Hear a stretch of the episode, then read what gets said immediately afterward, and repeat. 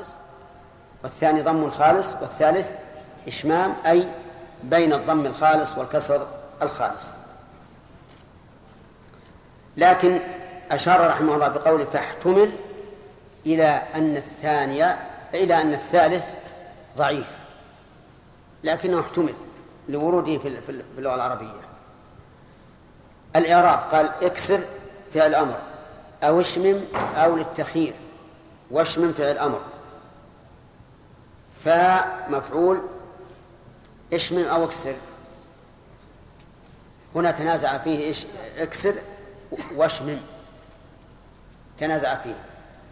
وإذا تنازع فإن النحويين اختلفوا هل يكون العامل الثاني لمباشرته أو الأول لسبقه على قولين.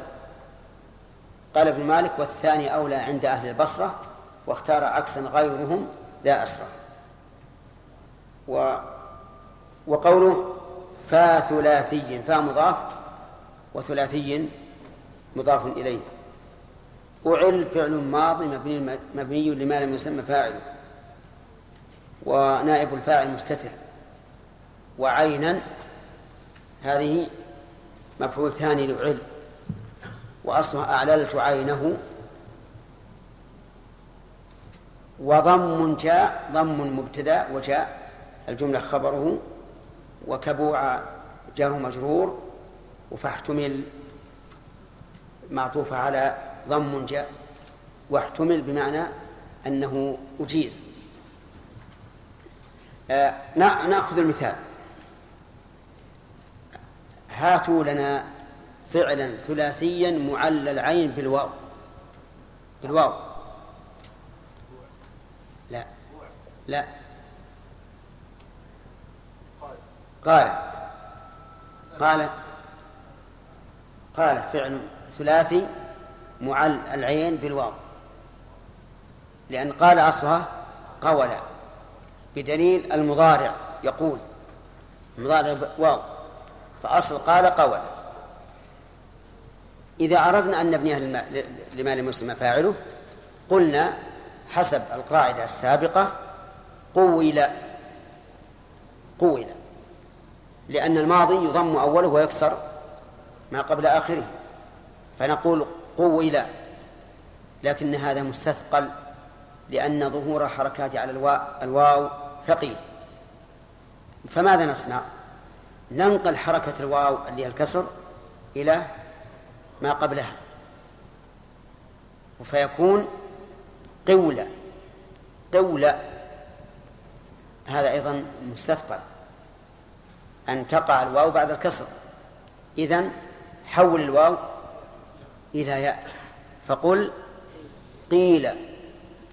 ولا أظن بدويا تحت شجرة من بدويا من العرب تحت شجرة يعرف كيف هذا التصريف. لو قلت له حل هذه الكلمة على هذا التصريف لا قال روح وراك.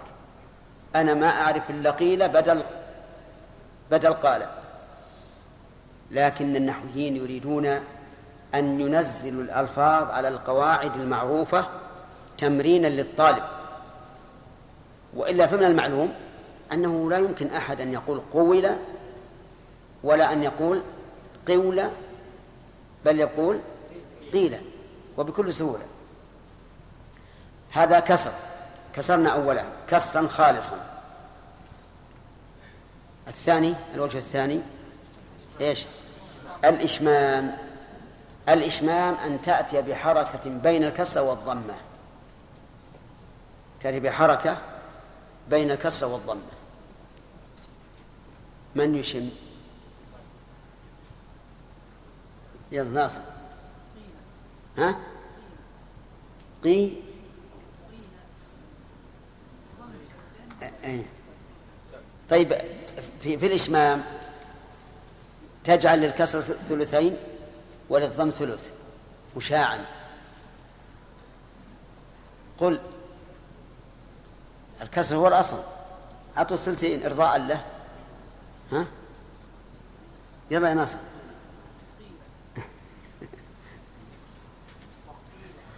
وقيل. ها؟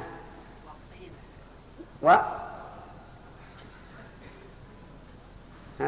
الثالثة.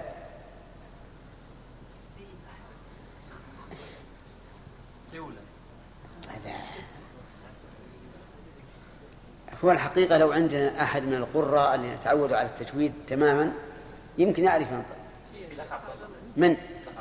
عبد الله بن وين عبد الله بن عباس؟ عبد الله بن عباس أين هو؟ هذا يلا وقيل يا قيل يا قي إيه. على كل حال أنا أخبركم عن شيخنا عبد الرحمن بن السعدي أنه كان يدرسنا في هذا الباب ولم نعرف. كلنا لا نحن ولا هو. نعم. لأنه صعب صعب جدا. لكن لعل العرب الذين الذين ألفوا هذه هذه اللهجة تسهل عليهم. لهذا الآن نحن هنا في في المملكة في بعض الجهات يتكلمون بلهجة ما نستطيع أن نتكلم بها وهي عندهم سهلة. كذا هذا شيء معروف.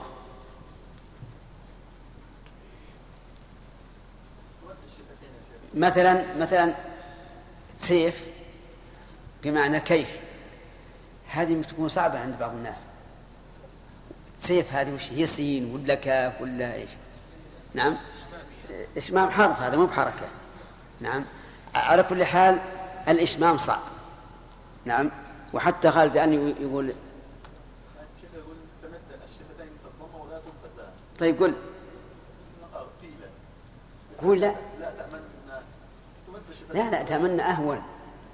لكن قيل لأن لا تأمن حرفين النون مشددة.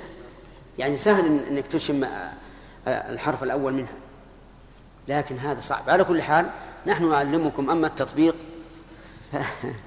فإن تيسر ولا تركوه الوجه الثالث الضم. الضم الخالص. فنقول في قيل نقول فيها قول. قول. ونقول في في بيع بوع. طيب البيع يائية. باع يبيع يائية. فلماذا كانت واوا لأنها وقعت بعد ضم. بعد ضم لا بد منه. إذ أن هذا الضم هو الذي يفرق بين البناء للفاعل والبناء لما لم يسمى فاعله. فالضمة لا بد منها ولا يناسبها إلا الواو. لهذا نقول بوع. نقول بوع ولا نقول بويع. ما نقول هكذا لأن الضم أول لا بد منه والضم لا يليه إلا الواو. فنقول بوع. ففي بوعة الآن ثلاث لغات. بيع والثانية إشمام والثالثة ضم خالص بوعة. كذا ثلاث لغات. قيل مثله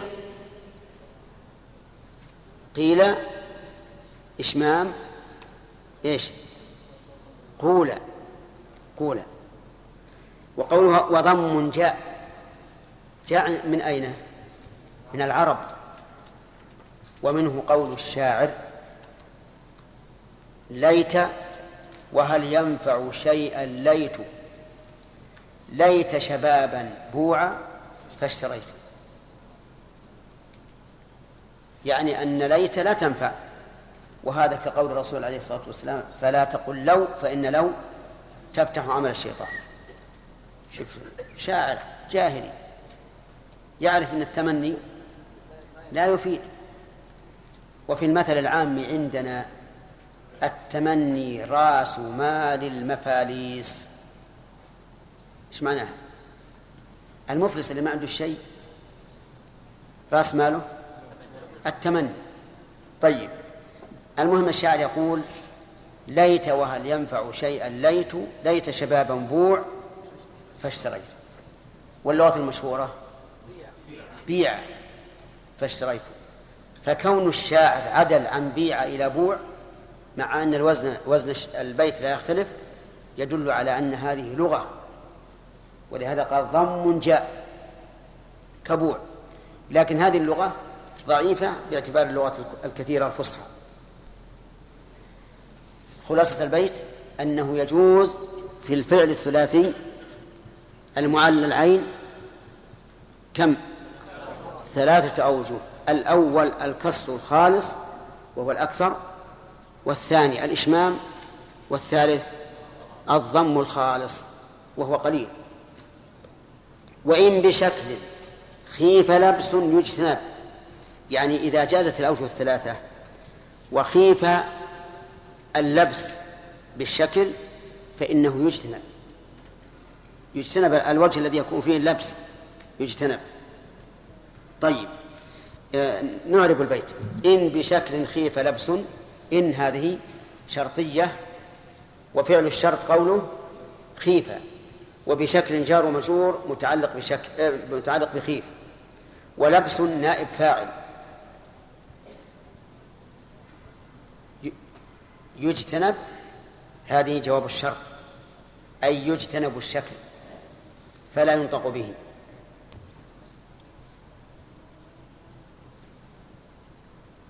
طيب. كلمة خيف تصلح مثالا. تصلح أن تكون مثالا. الآن خيفة إذا أضفت إذا أسندتها إلى تاء الفاعل. أو قل إذا أسندتها إلى التاء. تقول خفت. هنا أسندت للفاعل ولا لما لم يسمى فاعله؟ للفاعل. يقال في خيفة خف يقال في خيفة إذا أسندت إلى التاء خفت. يعني إذا أردت خيف الرجل وأردت أن أوجه الخطاب إليك وأقول أنت الذي خافك الناس ماذا أقول؟ خفت. خفت. التبس الآن الفاعل بنائب الفاعل. صحيح؟ واضح. ها؟ ما هو واضح. خاف ثلاثي معلل عين ماشي؟ خاف ثلاثي معلل عين كم يجوز فيه؟ الكسر والإشمام والضم. طيب.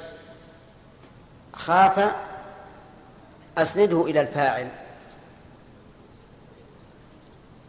تقول للرجل خفت. وش معنى خفت؟ يعني أنك خفت من الناس. أنك خفت من الناس. يعني أنك, أنك جبان تخاف. صحيح هذا ولا لا؟ طيب. إذا أردنا أن نبنيها لما لم يسمى فاعل وأسندها إلى التاء ماذا نقول؟ على على على وجه الكسر. وش نقول؟ خفت. يعني أن الناس خافوا. خفت. الآن لو أقول يا فلان خفت. ألا يلتبس الفاعل بالمفعول؟ ها؟ يلتبس. يقول إن خيف لبس اجتنب. إن بشكل خيف لبس اجتنب. فماذا نقول؟ نقول بالضم خفت. خفت وعلى هذا. فالفرق بين كون الخيف الخوف واقعا منه أو واقعا عليه أنك إذا قلت خفت فالخوف واقع منه يعني أنه الناس يخافونه. وإذا قلت خفت فالخوف واقع عليه يعني أنه هو يخاف الناس. واضح؟ خفت يعني أنت تخاف من الناس. خفت. نعم. يعني الناس يخافون منك. ولهذا قال إن بلبس خيف لبس يجتنب. ولهذا يصح أن نقول نفس خيف التي ذكرها المؤلف يصح. طيب. سام يسوم ابنه للفاعل. ها. سمت سمت هذا للفاعل ابن المفعول. إذا قلنا يجوز الضم والكسر والإشمام صار يجوز أن نقول سمت. ونحن إذا قلنا سمت اشتبه الفاعل بالمفعول فيتعين إيش؟ الكسر أو الإشماع إذا أسندناه إلى نائب الفاعل. فنقول سمت. يعني نخاطب العبد نقول أنت مسجون. سمت كذا وكذا. واضح يا إخوان؟ لا إله إلا الله. الآن بنمثل بخيف بخافه وسامة. خيفة ابن خاف للفاعل. خاف للفاعل. تقول خفت. خفت من زيد. خفت من زيد. فالخوف واقع منه. اب نعم. خفت من زيد. الخاف واقع عليه يعني هو الذي خاف.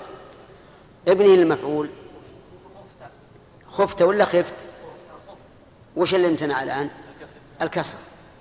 لأنك لو قلت خفت جعلته هو الخائف وأنت تريد أنه المخوف منه. فإذا كنت تريد المخوف منه فقل خفت. واضح يا آدم؟ طيب أصبر. سام ابنه للفاعل سمت. كقال قلت قال يقول قلت سام يسوم سمت. ابنه المفعول ها؟ إيه يجب تقول سمت. مع أنه في الأصل يجوز أن تقول سمت. لكن لما كان الضم يؤدي إلى اشتباه الفاعل بنائب الفاعل وجب اجتناب الضم وأن نقول سمت. واضح واضح. وخلاصة هذا هذا البيت والشطر أنه إذا كان الفعل ثلاثيا معلى العين جاز في أوله كم وجها؟ ثلاثة أوجه. الضم والكسر والإشمام. إلا إذا خيف التباس الفاعل بنائب الفاعل إذا كسر فإنه يمتنع الكسر. وإذا خيف التباس الفاعل بنائب الفاعل إذا ضم فإنه يمتنع الضم. هذا هذا خلاصة القاعدة. هذا هو خلاصة القاعدة. طيب. باع صغ منه اسم الفاعل. بعت صح؟ آه، صغ منه اسم المفعول. بعت. ولا يجوز بعت. أليس يجوز في فاعل الثلاثي الكسر والضم والإشمام؟ يجوز لكن هنا لا يجوز لأنك لو كسرت لالتبس الفاعل بنائب الفاعل. واضح يا جماعة؟ طيب. إذن أسأل المكاتب. أسأل المكاتب عبد مكاتب فأقول هل بعت؟ وش المعنى؟ هل أنك أن سيدك باعك أو أنت بعت على الناس؟ الأول. هل بعت عندما أسأله هل باع شيئا من من متاعه أقول هل بعت؟ هل بعت. واضح يا جماعة؟ نأخذ من هذه القاعدة ومن غيرها من القواعد التي مرت والتي ستمر أن أهم شيء في الكلام هو المعنى. أهم شيء هو المعنى. ولذلك إذا خيف الالتباس وجب تحويل الصيغة إلى صيغة لا يحصل بها الالتباس.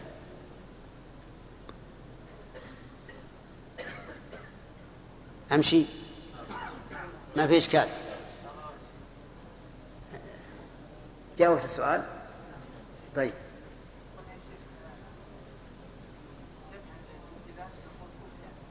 إيش؟ نعم.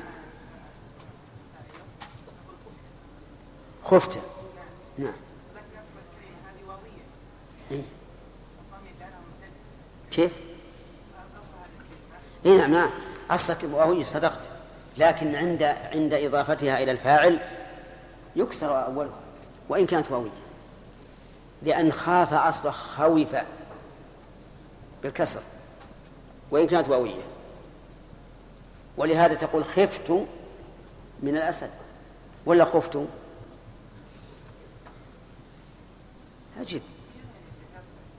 وش تقول؟ خفت من الأسد. ولا خفت من الأسد؟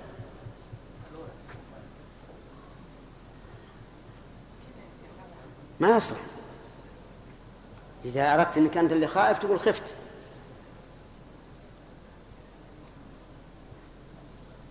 فهمت؟ طيب. عبد الله نعم أنا حفظك الله أسأل في الأول أن أستمع يعني لشرح الألفية لأحدهم فيتكلم على والف والواو والنون لما إلى آخره وشلون؟ على قول ابن مالك وألف والواو والنون لما إلى آخره. نعم.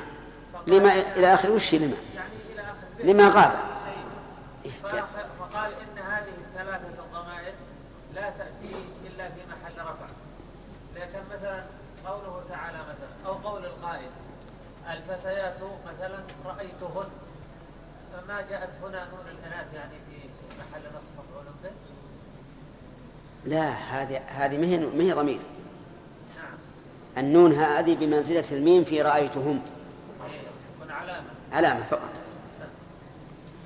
نعم. ها؟ نعم.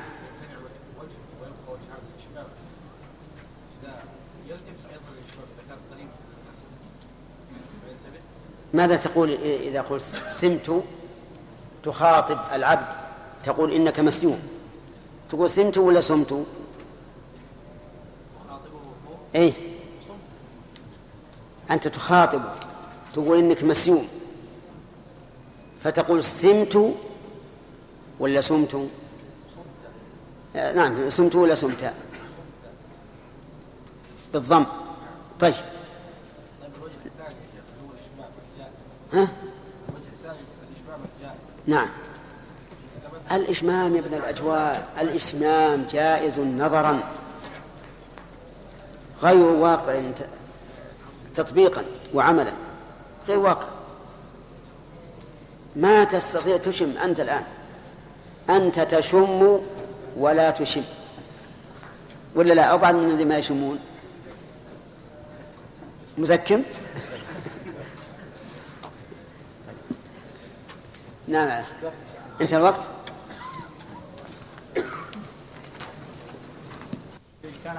اجتنب وما لباع لا كيف وين كيف لبس نعم. وإن بشكل خيف لبس يجتنب وما لباع قد يرى لنحو حق وما لفاء هذا مبتدأ الدرس. نعم. مبتدأ الدرس وما لباع قد يرى لنحو حق. نعم. وما لفا باع لما العين تلي اختار وانقاد وشبه ينجلي وقابل من ظرف أو من مصدر أو حرف جر بنيابة حري. ولا ينوب بعض هذه إن وجد في اللفظ مفعول به وقد يرد. وباتفاق قد ينوب الثاني من باب كسى فيما التباسه أمن في باب ظن وأرى المنع اشتهر ولا أرى منعا إذا القصد إذا القصد ظهر. وما سوى النائب مما علق بالرافع النسب له محقبا نعم. بسم الله الرحمن الرحيم. الحمد لله رب العالمين وصلى الله وسلم على نبينا محمد وعلى آله وأصحابه ومن تبعهم بإحسان إلى يوم الدين. ما معنى قول المؤلف إكمال واكسر أو اشمم فا ثلاثي أعل عينا. شيخ جيب من عندي لكن ما حضر. ما حضرت؟ إذا لا لا تشوف عبيد الله. إذا كان الفعل لا قبل. إذا كان إذا ها؟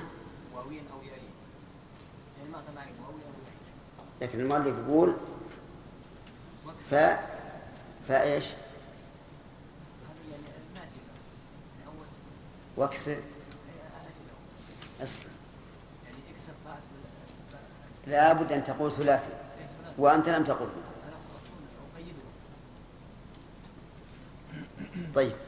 سامع الفعل الثلاثي إذا كان محتل العين نعم. نعم. نعم. الوجه الأول أوله نعم. والوجه الثاني ضم الفرس والوجه الثالث الإجماع طيب. مثل مثل لمعتل الواو. مثل الواو قال. قال إذا بني لما لم يسمى فاعله قال قيل أو قول أو بالإشمام أو بالإشمام والإشمام لا ينطق به لكن يعرف نظرا تطبيقا فيه صعوبة. آه، أيهما أفصح؟ ناصر.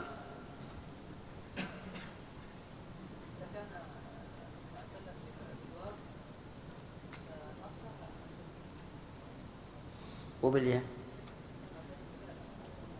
الضم. كان المتوقع بالعكس. خالد. كسر خالص هو الافصح نعم. والضم أقل قليل. والوجه الثالث؟ بين الكسر والضم. ما- الكسر ما هو؟ الضم أقل أما الإشمام قليل جدا. ثم. ثم. طيب من أين نأخذ من كلام ابن مالك؟ ترتيب. قال واكسر أو اشمم وضم جاء. حتى كلمة ضم جاء يشعر بأنه قليل في اللغة العر- العربية. طيب. آه، هاته معتلا بالواو. عبيد.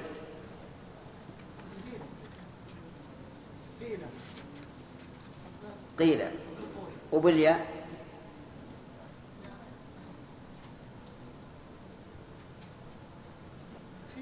ها؟ لا هذه واوية من الخوف.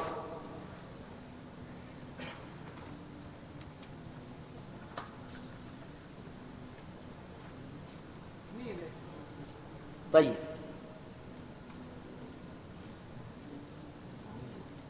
هذه واوية ولا ولا يعيد النوال.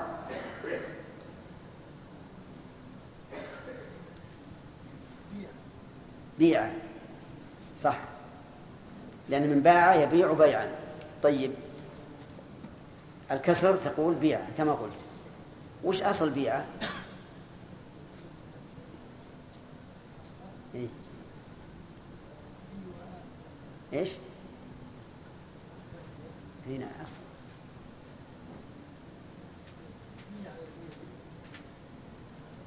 يا أصله مبية لما لم يسمى فاعلا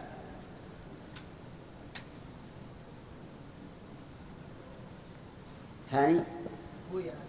إيش؟ بويع طيب كمل. وماذا صنعنا؟ هنا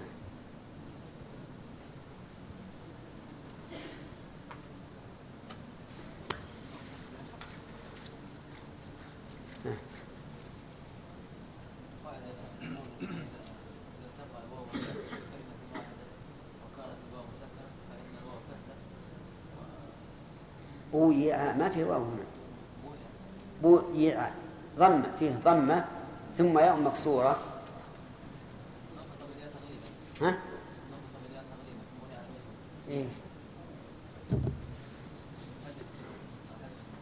طيب. هنا اصلها بويع كما ذكر بويع نعم لكن هذه ثقيله جدا فتنقل حركه حركه الياء إلى إلى ما قبلها فتصير بي- بيع وهذه كذلك بيع ما يصير بيع بي بيع هم تقول نقلنا حركة الياء. إذا نقلت الحركة وش بقي؟ السكون.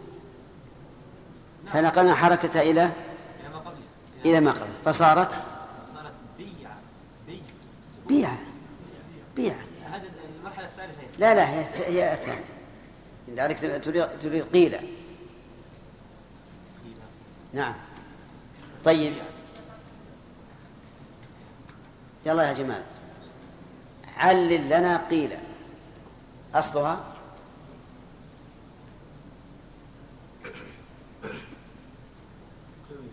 ها؟ لا.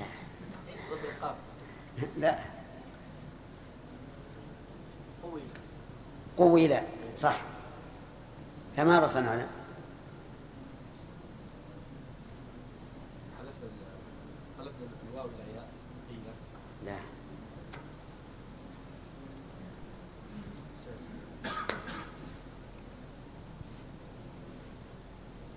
قلبنا الواو إلى عين الواو إلى عين فصارت قعيلة ما عندك عين. لا. يلا منصور. نقلنا حركة الواو اللي الكسرة إلى ما قبلها. إيش؟ لا. أي طيب وش وش تقول؟ طيب والواو؟ قولة. فصارت قولة. ثم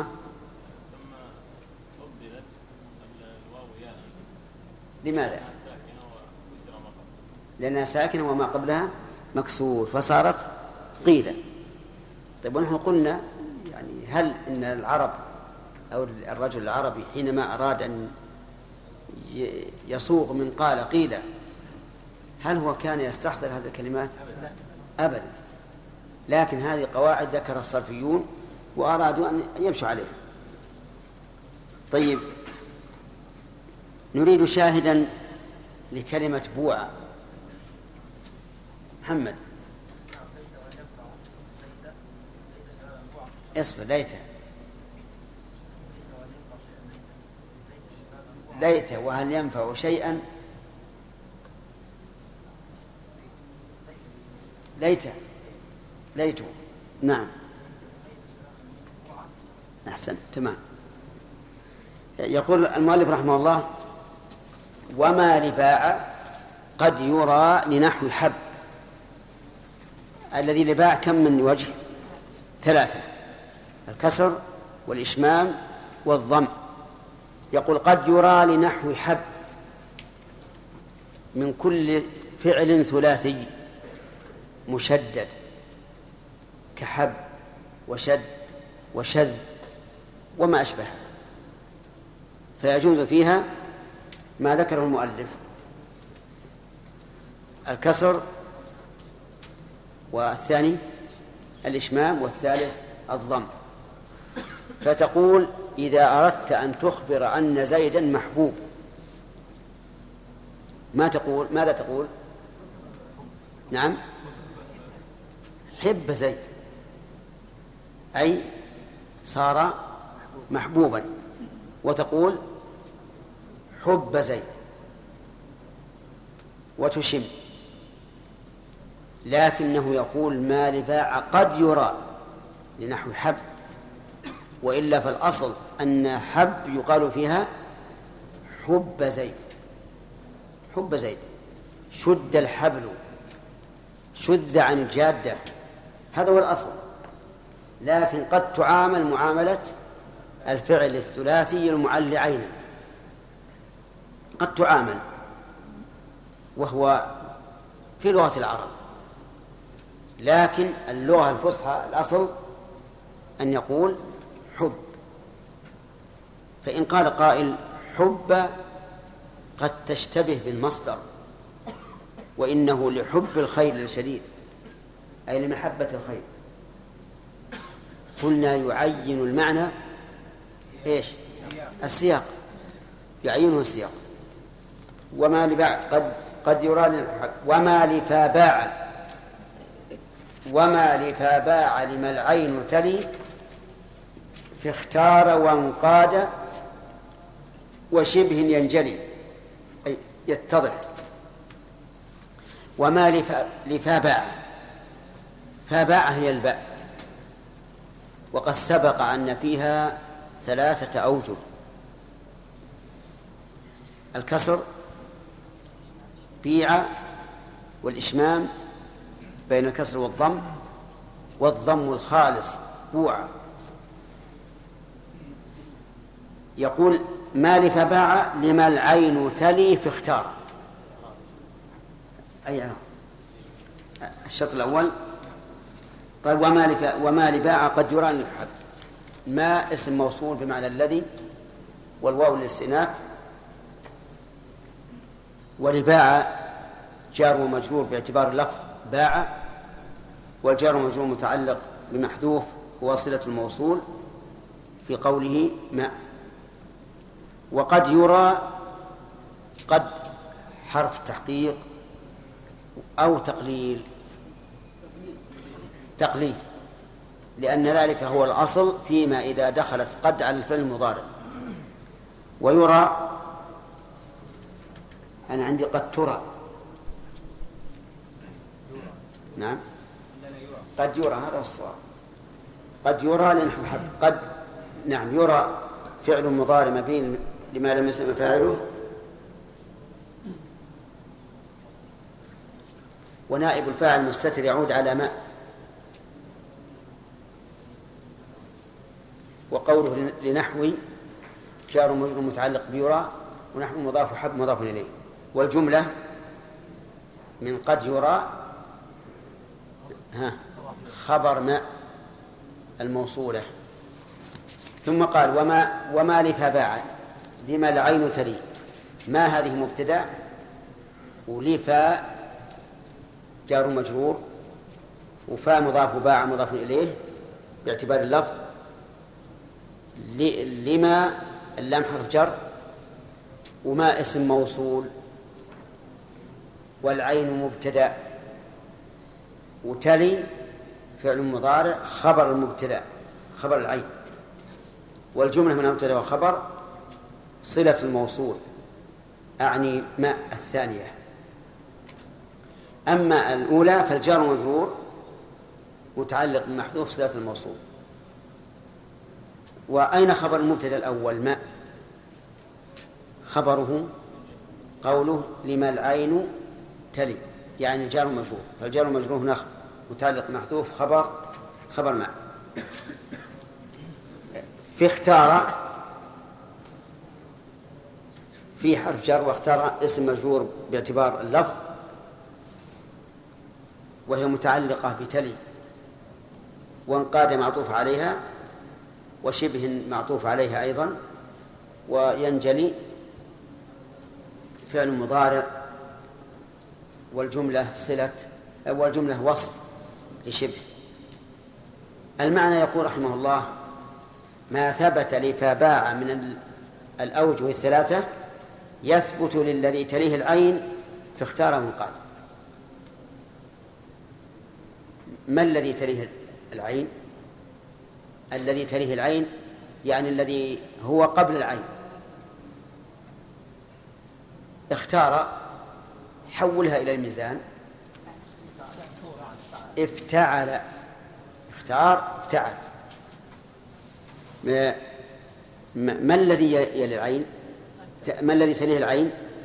التاء إذا يجوز ثلاثة أوجه.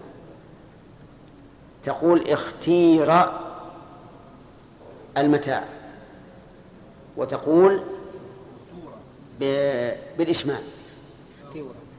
وتقول بالضم الخالص. أي اختور.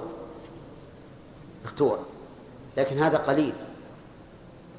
ولذلك الآن نحن عندما نتكلم في اختار نقول اختير. اختير المتاع اختير المكان اختير الزمان اختير الكتاب. اختير الرجل. طيب ويجوز اختورا لكن في ظني لو تكلم عند العام وتقول اختورا ماذا يقول لك؟ سيقول هذه لغة غير عربية لأنها قليلة. انقاد مثلها تقول انقاد الجمل لقائده.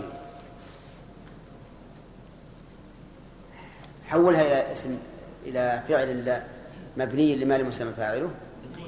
انقيد للقائد أو بالإشمام بين الضم والكسر أو بالضم الخالص. تقول انقود للقائد. انتهى المؤلف رحمه الله من صيغ الفعل المبني لما لم يسمى فاعله ثم انتقل رحمه الله لما فرغ من الأول انتقل هل ينوب غير المفعول به عن الفاعل؟ لأن الكلام في نيابة المفعول به عن الفاعل كما قال في أول الباب ينوب مفعول به عن فاعل.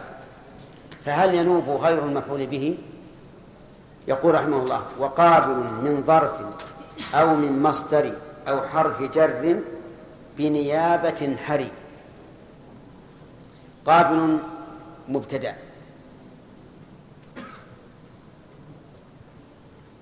وسوغ الابتداء به آه، الوصف. قابل من كذا ومن ظرف جار مجرور أو حرف عطف ومن مصدر معطوف على ظرف بإعادة العامل أو حرف جر معطوف على ظرف بنيابة حري بنيابة جار ومجرور متعلق بحري وحري خبر مبتدأ أين المبتدأ؟ قابل يعني أن القابل من الظرف أو المصدر أو حرف الجر حري بالنيابة عن إيش عن الفاعل كما ناب المفعول به عن الفاعل فبين المؤلف رحمه الله في هذا البيت أنه قد ينوب عن المفعول به ثلاثة أشياء الأول الظرف والثاني المصدر والثالث الجار مجهول لكنه اشترط أن تكون قابلة أي قابلة للنيابة عن الفاعل. والقابل للنيابة عن الفاعل هو الذي لم لم يلزم صيغة واحدة. فإن لزم صيغة صيغة واحدة فإنه لا يمكن أن يكون نائبا عن الفاعل. لأنه لو ناب عن الفاعل لتحول من اللزوم إلى الجواز. فلا بد أن يكون قابلا. ولهذا عندي يقول إيه، ولا بد أيضا أن يكون مخصصا. بشيء من المخصصات. فلا بد أن يكون قابل وخارج عن الاختصاص. خارج عن الاختصاص. فمثلا عندنا الظرف. بعض الظروف لا يمكن أن يكون نائبا عن الفاعل لأنه لا لأنه لا يتحول عن الظرفية. وإذا لم يتحول عن الظرفية لم يصح أن يكون نائبا عن الفاعل. فلنضرب أمثلة للذي يتحول عن الظرفية. اليوم كلمة يوم. تتحول عن الظرفية؟ ما الدليل؟ الدليل أنها وردت اسما لإن مثل, قوم مثل قوله تعالى وإن يوما عند ربك كألف سنة ما تعدون وجاءت مفعولا به يخافون يوما تتقلب فيه القلوب والأبصار وجاءت مجرورة كقوله تعالى ليوم عظيم. إذا يصح أن ينوب عن الفاعل. فيقال مثلا صيم إيش؟ صيم يوم. صيم يوم ويكون يوم هنا نائبا عن الفاعل. طيب. كلمة مكان. هل يصح أن ينوب عن الفاعل؟ لماذا؟ لأنه يتصرف عن, عن الظرف. يستعمل ظرفا وغير ظرف. فتقول نزل الرجل مكان زيد. هذه ظرف وتقول إلى مك... نعم سافرت إلى مكان بعيد. كما قال تعالى ينادون من من مكان بعيد. فتحول الآن عن الظرف إلى الجار والمجرور يصح أن أن يقال آه، جلس آه، نعم أن يقال اشتري مكان بعيد. اشتري مكان بعيد. سكن مكان بعيد نائبا عن الفاعل. كذلك المصدر المصدر إن كان يتحول عن المصدرية جاز أن ينوب وإن كان لا يتحول لم يجز أن ينوب. فكلمة سبحان يقولون إنها ملازمة للنصب على المصدرية أو على المفعولية المطلقة فلا يمكن أن تنوب عن الفاعل فكلمة سبحان يقولون إنها ملازمة للنصب على المصدرية أو على المفعولية المطلقة. فلا يمكن أن تنوب عن الفاعل لأنها لا تتحول عن حال واحدة. فلو قلت مثلا سبح سبحان الله لكن هذا غير جائز لأن سبحان لا تتحول عن المصدر. أو عن المفعولية المطلقة. طيب. ولو, قلت شرب شرب كثير. هذا المصدر. يجوز أو لا يجوز؟ لماذا؟ لأن شرب تتحول عن عن المصدرية إلى أن تكون فاعلا أو مفعولا به أو مجرورا. أو مبتدأ. لكن سبحان لا يمكن أن تبقى أن تتغير عما كانت عليه. كذلك حرف الجر. من حروف الجر ما لا يتحول عن حاله مثل حروف القسم. فالمجرور بحروف القسم لا يمكن أن يقع نائب فاعل لأنه مختص بالقسم. فلا يمكن أن يقع نائب فاعل. فلو قلت حلف والله لكان هذا غير غير سائل. لماذا؟ لأنه لا يتحول عن القسم. لكن لو قلت مر بزيد جار مجرور يجوز أن ينوب عن الفاعل؟ نعم لأنه يتحول. يتحول عن هذه الصيغة حتى إنهم يقولون لو حذف حرف الجر لنصب. على حد قول الشاعر يمرون الديار ولم يعوجوا أو تمرون الديار ولم تعوجوا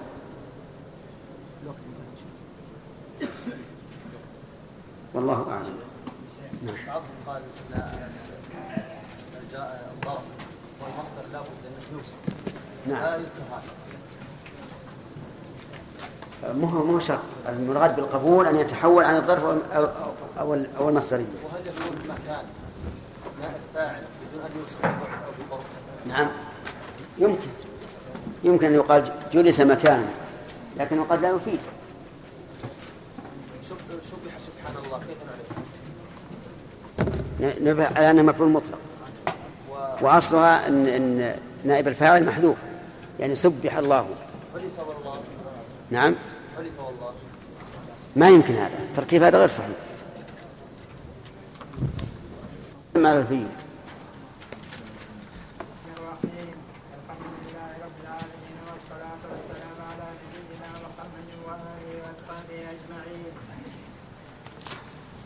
وقابل من أو من مصدر أو حرف جر بنيابة خليل ولا ينوب بعض بعض هذه الأمور إلا بمفعول به وقد يرد وباتفاق قد ينوب الثاني من باب كسافهم ما إيش إيش أعد أعد. باب كسا. نعم. اعمل لباسه أن أمن. أمن. عباد ظن وأرى. عباد ظن وأرى المن من اشتهر ولا أرى من عن إذا في باب ظن وأرى. وأرى نعم. من اشتهر ولا أرى من عن إذا القصد ظهر وما سوى النائب مما علق بالرافع النسب له محققا. بسم الله الرحمن الرحيم. سبق أن الذي ينوب عن الفاعل هو المفعول به يعني الذي يقع عليه الفعل. فهل غير المفعول به ينوب عن الفاعل؟ نعم مم. ينوب عن الظرف الظرف مثاله؟ ظرف الزمان وظرف المكان. كان ظرف الزمان آه، إلى اليوم أو أو اليوم ما آه،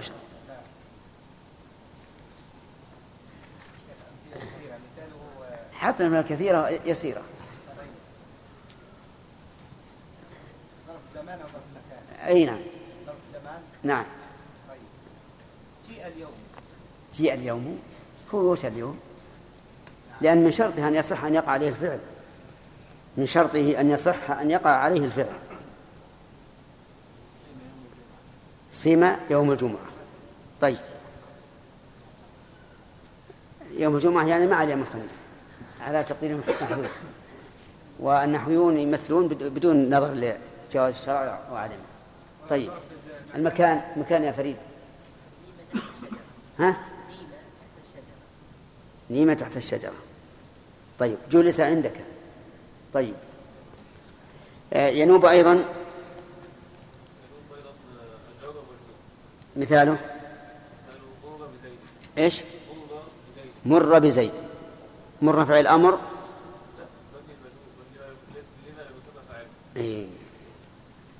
طيب. آه، ينوب أيضا. جمال؟ المصدر. مثاله؟ شرب شرب طيب وإذا وصفته أحسن عشان يت- يتميز. شرب شرب كثير. طيب.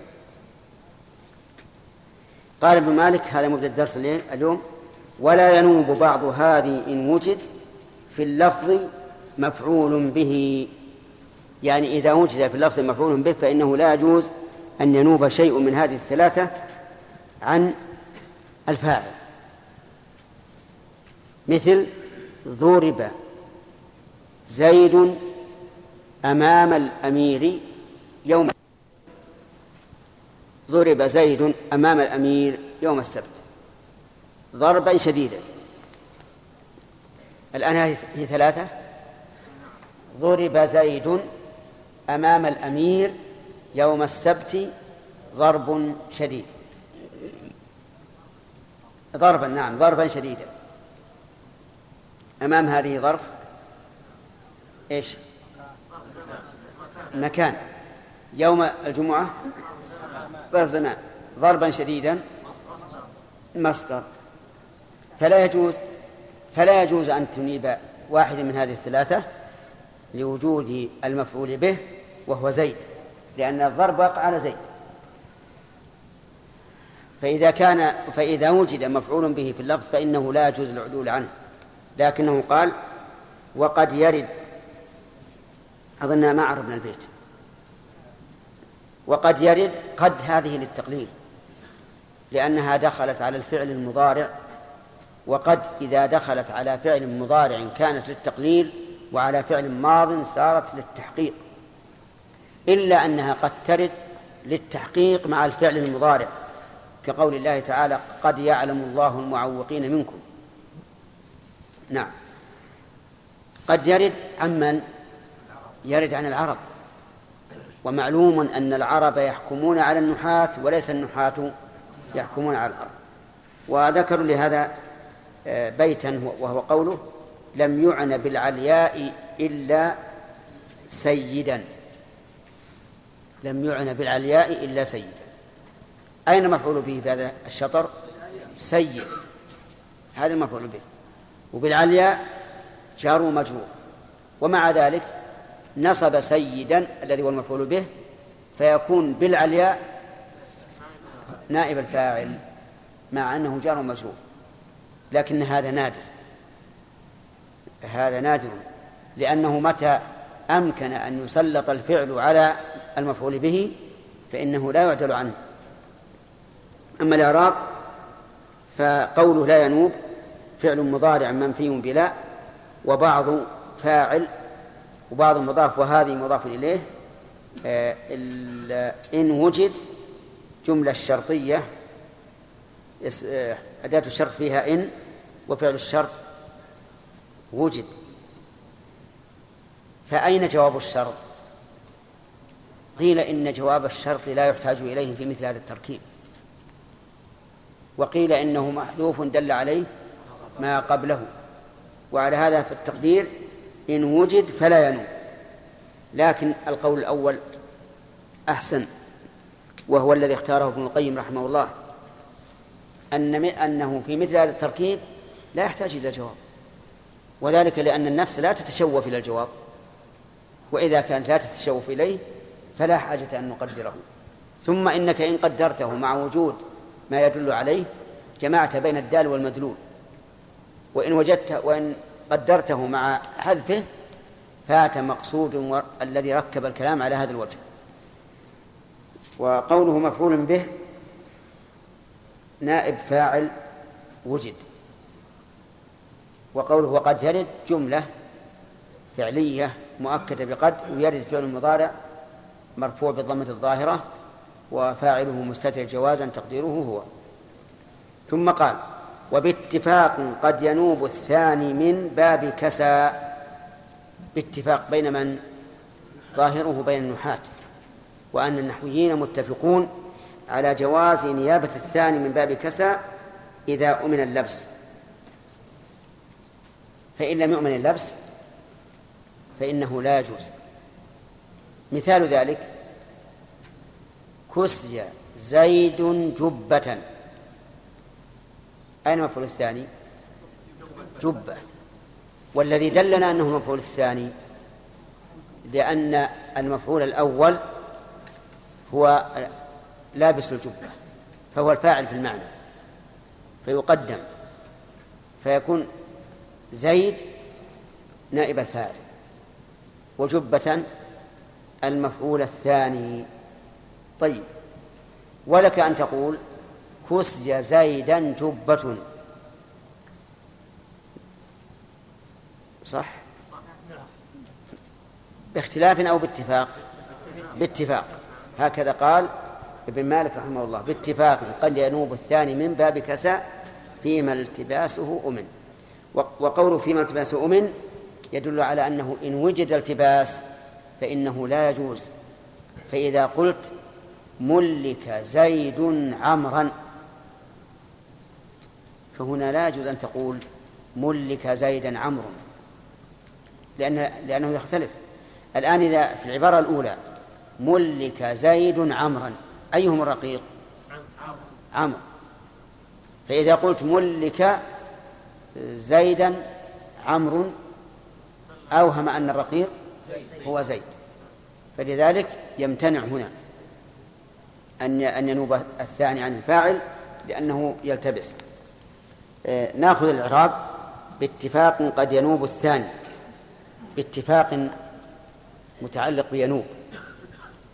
وقد ينوب فعل مضارع مؤكد بقد.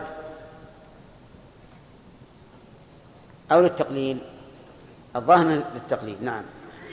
وقول الثاني الثاني فاعل ينوب مرفوع بضمة مقدرة على آخره منع من ظهورها التخفيف. لا تخفيف على آخر النون تظهر عليها الضمة. الثاني شوف الثاني فاعل ينوب مرفوع بضمة مقدرة على آخره منع من ظهورها التخفيف. صح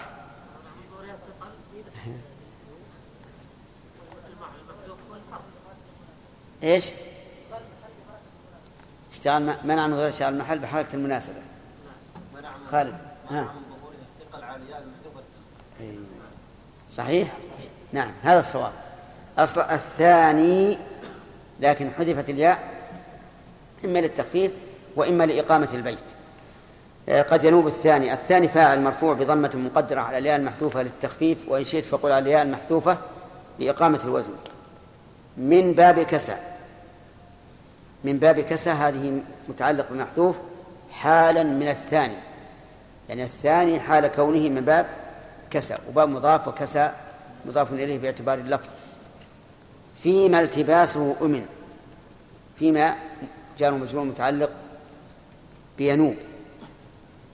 وما اسم موصول مبني على السكون في محل جر والتباسه التباس مبتدا وأمن خبره والجملة صلة الموصول لا محل لها من الإعراب. طيب. في باب ظن وأرى المنع اشتهر. في باب ظن الذي ينصب مفعولين أصلهما المبتدأ والخبر. بخلاف كساء التي تنصب مفعولين فإن أصلهما ليس المبتدأ والخبر. وقوله وأرى ليست هنا فعلا مضارعا بل هي فعل ماضي. والمراد بها أرى التي تنصب ثلاثة مفاعيل. أرى زيد عمرا قائما. أرى زيد عمرا قائما. هذا مراد بن مالك آه، في باب ظن وأرى اشتهر المنع. قال ولا أرى منعا. إذا القصد ظهر ولا أرى نسب القول إلى نفسه أنه إذا إذا كان القصد ظاهرا فلا مانع من أن ينوب الثاني عن الفاعل مع نصب مع نصب الأول. طيب بالنسبة لأرى بالنسبة لأرى ليس الذي ينوب الثاني عن الأول بل الثالث عن الثاني. لأن الثالث الثاني والثالث هما اللذان أصلهما المبتدأ والخبر. طيب تقول أعلم زيد عمرا قائما. أعلم زيد عمرا قائما. الآن نائب الفاعل ما هو؟ زيد. و النحويون منعوا من أن يكون نائب الفاعل هو الثاني أو الثالث وابن مالك يقول لا أرى منعا إذا القصد ظاهر مثل أن يقال أعلم زيدا فرسك مسرج. أعلم زيدا فرسك مسرج. هكذا عندي بالشرح. لماذا؟ فأعلم زيدا فرسك مسرج. لكن الظاهر أن الصواب مع الذين منعوه لأنه يتغير المعنى.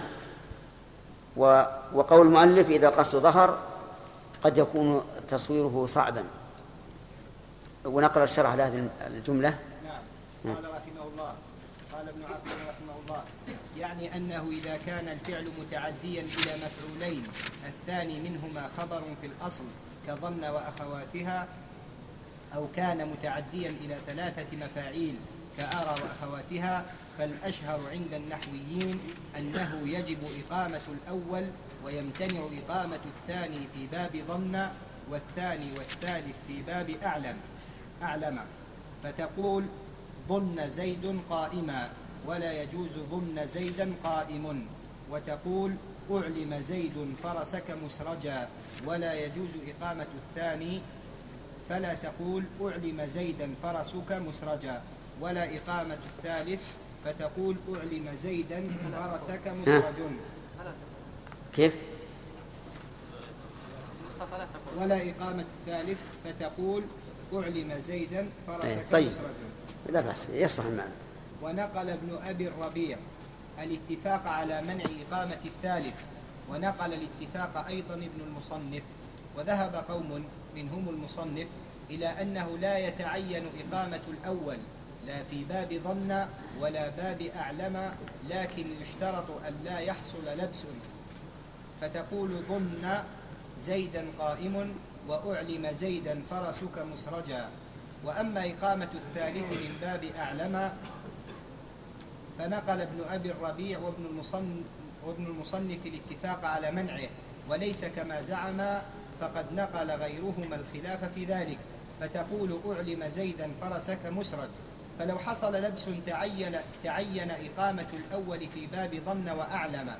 فلا تقول ظن زيدا عمرو على أن نعم. ظن زيد. ظن زيدا عمرو على أن عمرو هو المفعول الثاني ولا أعلم زيدا خالد منطلقا. نعم.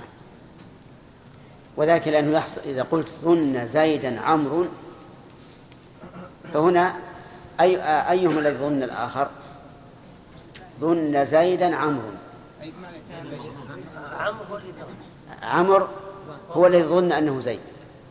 وأنت تريد أن زيدا هو الذي ظن أنه عمرو. فنقول إذا كنت تريد هذا فقل ظن زيد عمرا ولا يجوز أن تقول ظن زيدا عمرو على أن زيدا هو الذي ظن أنه عمرو.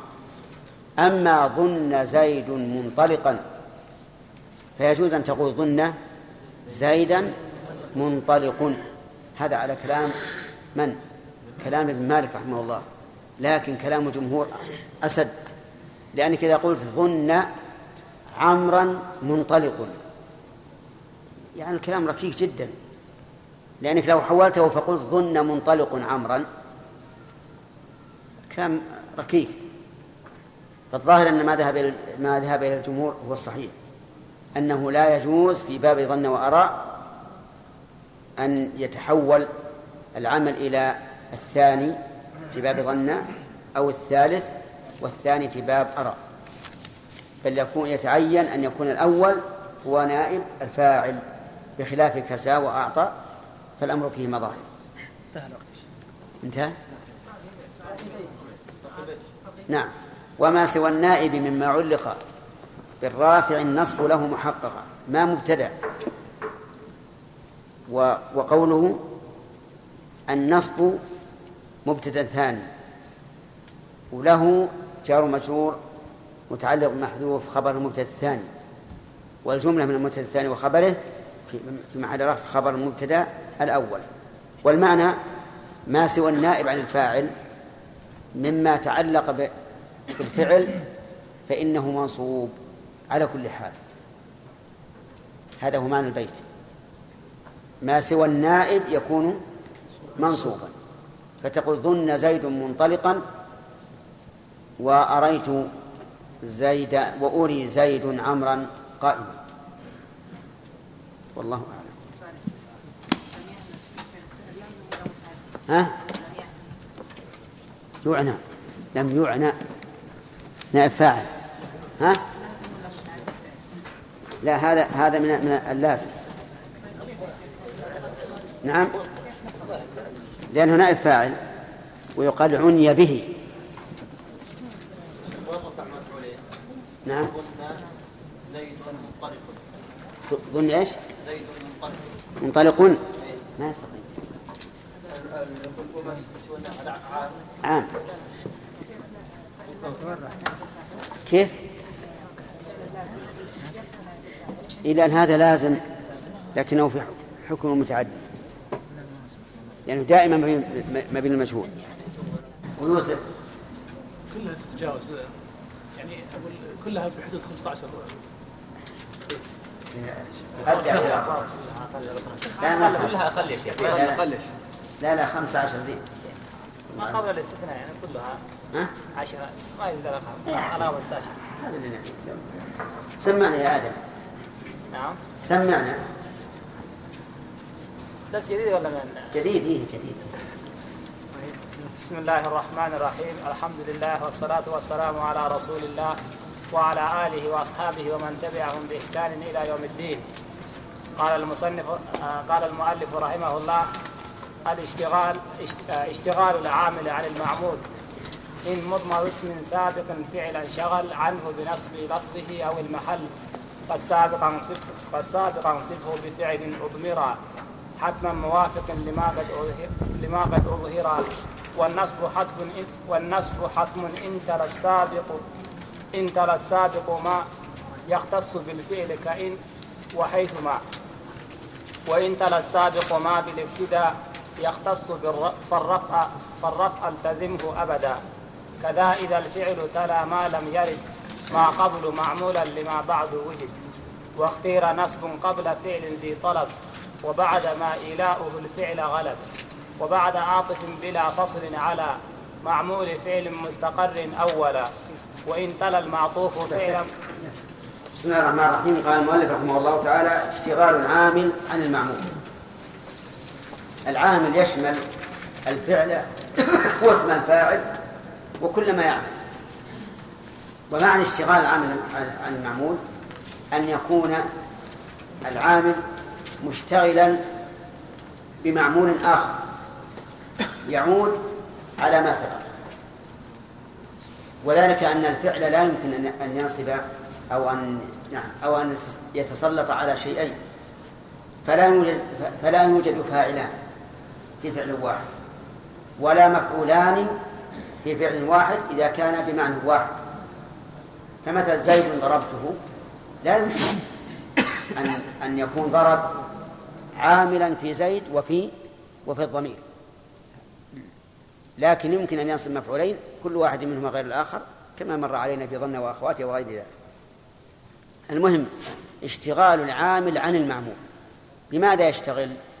يشتغل إما بضميره وإما بشيء مضاف إلى ضميره. فإذا قلت زيد ضربته فهنا مشتغل بضميره. زيد ضربت غلامه. فهذا مشتغل بمضاف إلى ضميره هو كلام كلام ابن مالك يشمل هذا وهذا. إذن اشتغال العامل عن المعمول بماذا؟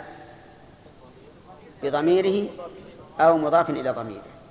قال المؤلف إن مضمر اسم سابق فعلا شغل عنه بنصب لفظه أو المحل فالسابق انصبه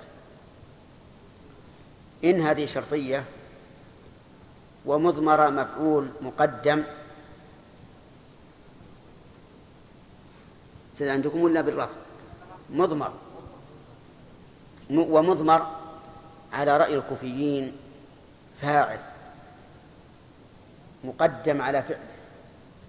أو مبتدأ وما بعده خبره. وأما على رأي البصريين فيقولون إن مضمر هذه فاعل لفعل محذوف يفسره ما بعده. وقد عرفتم الأقوال الثلاثة في مثل التركيب. وأن من العلماء من قال إنه لا بد أن نقدر فعلا ومنهم من قال إن أدوات الشرط تدخل على الأسماء ومنهم من قال إنه يجوز تقديم الفاعل. إن مضمر اسم سابق فعلا شغل فعلا هذه مفعول لشغل. وشغل الآن مفسرة للفعل المحذوف. والتقدير إن شغل مضمر اسم سابق فعلا. عنه بنصب لفظه أو المحل. عنه عن إيش؟ عن هذا السابق. يعني شغله عنه بنصب لفظه أو المحل. يعني سواء كان ذلك شاغلا عن نصب اللفظ أو المحل. نصب اللفظ واضح. مثل ضربت زيدا تقول زيد زيدا ضربته. الآن لا يمكن أن يكون زيدا مفعول به ولها مفعول به. لا يمكن. بل الفعل انشغل. أو المحل مثل أن يكون هذا المشتغل عنه يبنى ولا ينصب. فيكون اشتغال عن عن نصب محله. طيب. كذلك اسم الإشارة مبني. تقول هذا ضربته. اشتغل الضمير الآن عن نصب المحل أو عن نصب اللفظ المحل. ولهذا نقول ذا اسم إشارة مبني على السكون في محل نصب. فالسابق انصبه فالسابق السابق مفعول لفعل محذوف يفسره ما بعده ولا نقول إنه مفعول لما بعده. لماذا؟ لأن ما بعده مشتغل مشغول عنه بضميره. السابق إذن السابق مفعول لفعل محذوف يفسره ما بعده. انصب فعل الأمر ولها مفعول به وبفعل متعلق بانصب وأضمر فعل مضارع فعل ماضي. لما لم يسمى فاعله صفة لفعل حتما حتما هذه متعلقة بأضمر أي إضمارا حتما أي واجبا فهو مصدر بمعنى في موضع الحال أي محتوما موافق صفة لفعل لما قد أظهر أي للفعل الظاهر. ففي قولك زيد ضربت زيد زيد أو زيدا زيدا ضربته. نقول زيدا مفعول لفعل محذوف تقديره ضربته. ولا يصح أن تقول مفعول لفعل محذوف تقديره أهنت. لأن ابن مالك يقول موافق لما قد أظهر. فإذا كان الفعل الموجود ضرب فالفعل المقدر إيش؟ مثله ضرب. طعا طعامك أكلته. ها؟ تقدير أكلت طعامك ولا يصح أن تقول أتلفت طعامك لأنه لا بد أن يكون الفعل المضمر مطابق أو موافق كما قال لما قد أظهر. طيب المثال الآن كأنه أمامنا في السبورة. زيد أكرمته.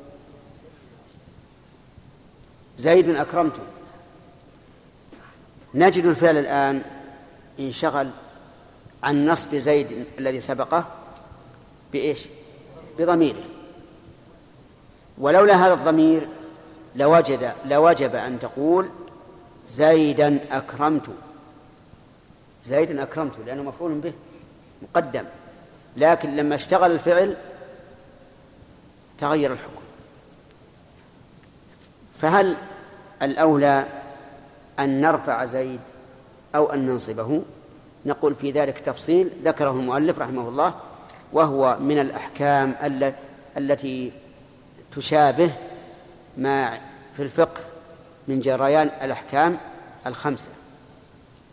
يعني تارة يترجح الرفع وتارة يترجح النصب وتارة يجب الرفع وتارة يجب النصب وتارة يجوز الوجهان على السواء.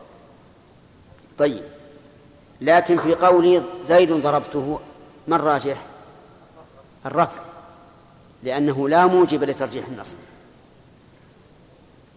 فيكون الإعراب زيد مبتدأ مرفوع بالابتداء بالضمة الظاهرة وضربت فعل وفاعل وضربته فعل وفاعل ومفعول به والجملة في محل رفع خبر مبتدأ. طيب. قال فالسابق انصبه بفعل أضمر حتما موافق لما قد أضمر. قوله هنا انصبه جوازا أو وجوبا؟ جوازا. جوازا ثم بين حكم هذا النصب. فقال والنصب حتم إن تلا السابق ما يختص بالفعل كإن وحيثما. النصب مبتدا وحتم خبره وإن تلا جملة شرطية فعل الشرط تلا وجواب الشرط محذوف دل عليه ما قبله على رأي الجمهور. والصواب أن هذا التركيب لا يحتاج إلى جواب لأنه مفهوم من السياق. إن تلا السابق ما يختص تلا فعل ماضي قلت والسابق فاعل وما اسم موصول مفعول به ويختص الجملة صلة الموصول وبالفعل جار مجرور متعلق يختص كإن وحيثما. الكاف حرف جر وإن اسم مجرور وحيثما معطوف عليه. المعنى أن أنه يتعين النصب إذا تلا السابق وهو الاسم المتقدم على الفعل ما يختص بالفعل. كإن وحيثما. لأن أدوات الشرط تختص بالفعل. لكنه مثل بإن لأنها حرف وبحيثما لأنها اسم. مثاله إذا قلت إن زيدا لقيته فأكرمه. إن زيدا لقيته فأكرمه. هنا يتعين النصب لماذا؟ لأن زيدا تلا ما يختص بالفعل وهي إن الشرطية. طيب لو قلت إن زيد لقيته فأكرمه قلنا هذا غلط. لا يصح. لأنه إذا تلا أداة تختص بالفعل لزم أن نقدر ذلك الفعل ويكون الموجود الاسم الموجود يكون مفعولا به. طيب حيثما زيدا لقيته فأكرم. فأقول حيثما زيد لقيته فأكرم. الثاني؟ خطأ الثاني خطأ لأن حيثما أداة شرط تختص بالأفعال. إذا يتعين النصب متى؟ إذا وقع الاسم المشتغل عنه بعد أداة تختص بالأفعال. قال وإن تلا السابق ما بالابتداء يختص فالرفع التزمه أبدا. وإن تلا السابق ما بالابتداء يختص فالرفع. إن شرطية وتلا فعل ماضي والسابق فاعل وما اسم موصول بين السكون في محل نصب مفعول به وبالابتداء جار مجرور متعلق بيختص ويختص فعل مضارع وفاعله مستتر جوازا تقديره هو والجملة صلة الموصول أعني ما. وقوله فالرفع الرفع مفعول به لفعل محذوف يفسره ما بعده ووجب ربطه بالفاء لأن الجملة طلبية وجواب الشرط إذا كان طلبيا تعين اقترانه بالفاء والتزم فعل الأمر ولها مفعول به وأبدا ظرف زمان للمستقبل. المعنى إذا تلا السابق ما هو السابق؟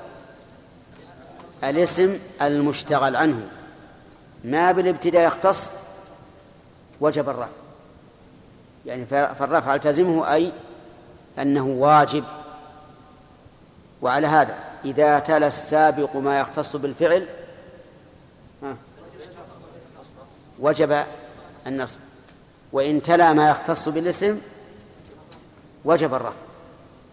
إذا تلا ما يختص بالاسم فإنه يجب الرفع. لأن التقدير حسب ما يقتضيه ذلك العامل مثاله يقول كإذا الفجائية.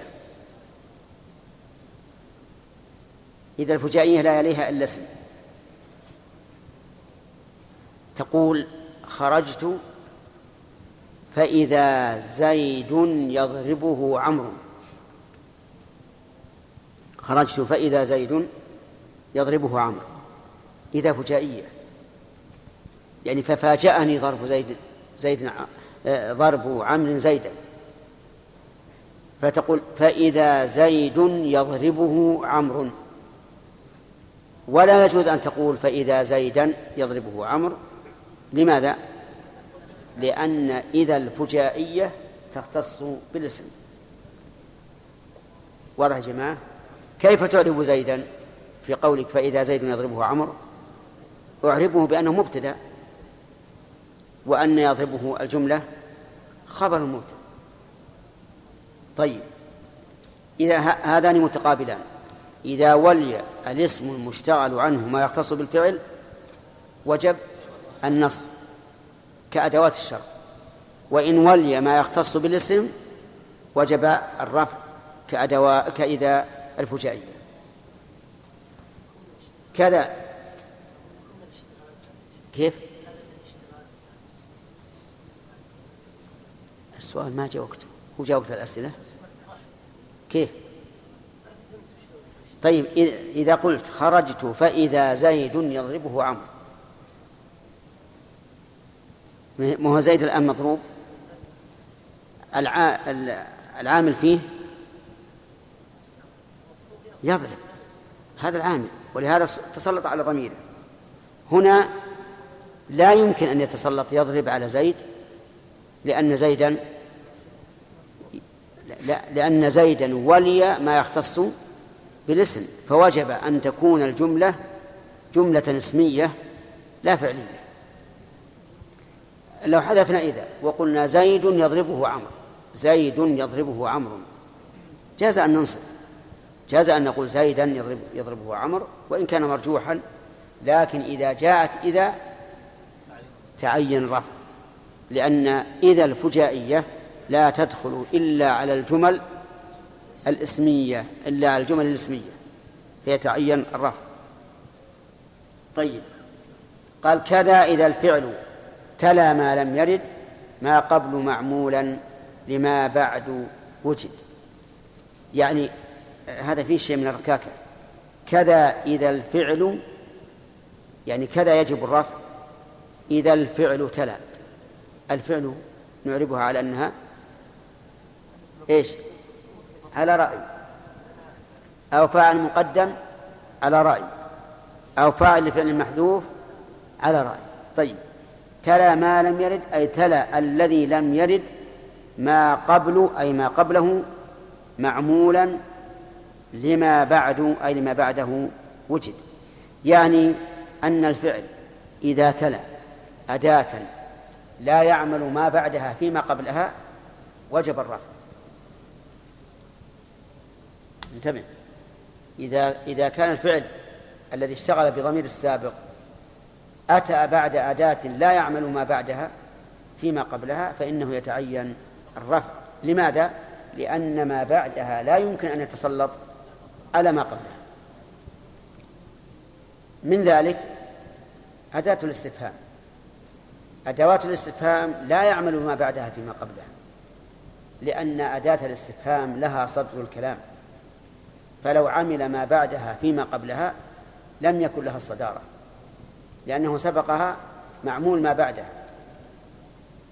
فمثلا نقول زيد هل يكرمه أخوه؟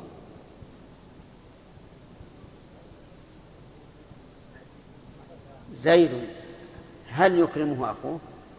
زيد الآن وقعت قبل أداة لا يعمل ما بعدها فيما قبلها لأنها استفهام. هل؟ طيب. لو قلت زيدا هل يكرمه أخوه؟ يجوز أو لا؟ لا يجوز. لماذا؟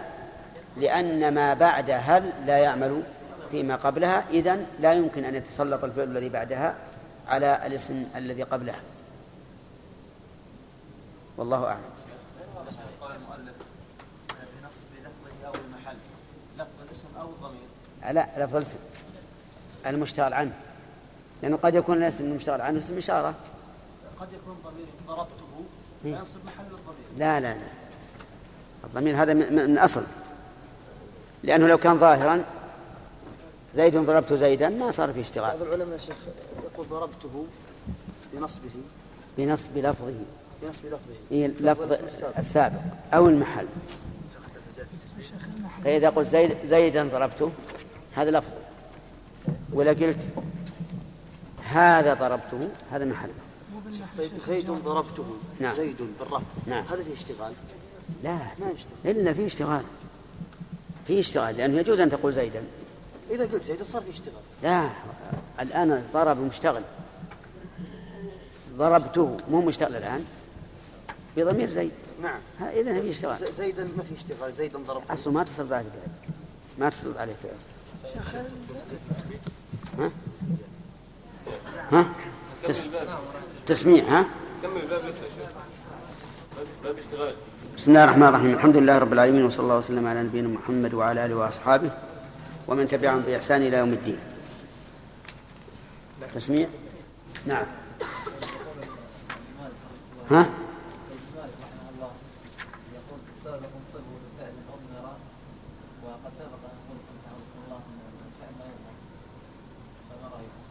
صحيح إحنا بينا. قلنا لو قال بفعل حذف. كمثل زيد في جواب من؟ لا من وفى. باب الاشتغال باب وين فيه؟ اي بفعل اضمرار يعني حذف؟ نعم. هذا من باب التجوز. من باب التجوز والصواب قال حذف. ولو قال فالسابق انصبه بفعل حذف حتما موافق لما قد عرف استقام الكلام. طيب ناخذ مناقشه في النائب عن الفاعل.